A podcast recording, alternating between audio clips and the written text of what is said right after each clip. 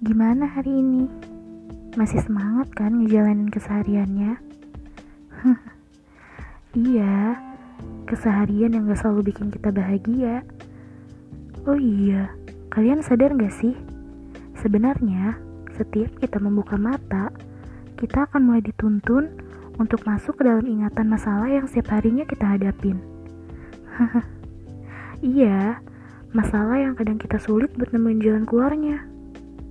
Emang sih, terkadang capek banget kalau harus mikirin masalah yang itu-itu aja. Belum lagi ditambah masalah percintaan. Tapi nggak apa-apa, capek itu wajar kan? Itu tandanya kita masih manusia.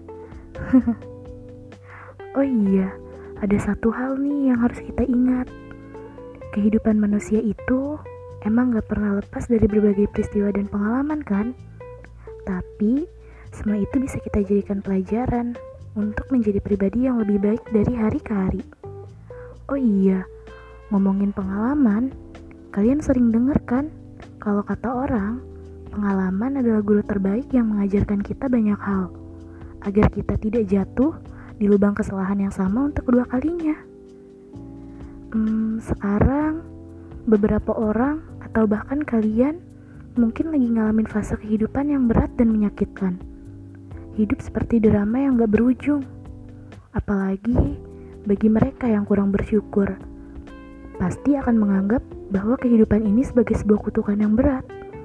Tapi kita gak boleh putus asa dong. Karena banyak mimpi yang menunggu kita di depan sana. Dan banyak orang yang harus kita bahagiakan. Kalau kamu capek, kan bisa istirahat bukan menyerah.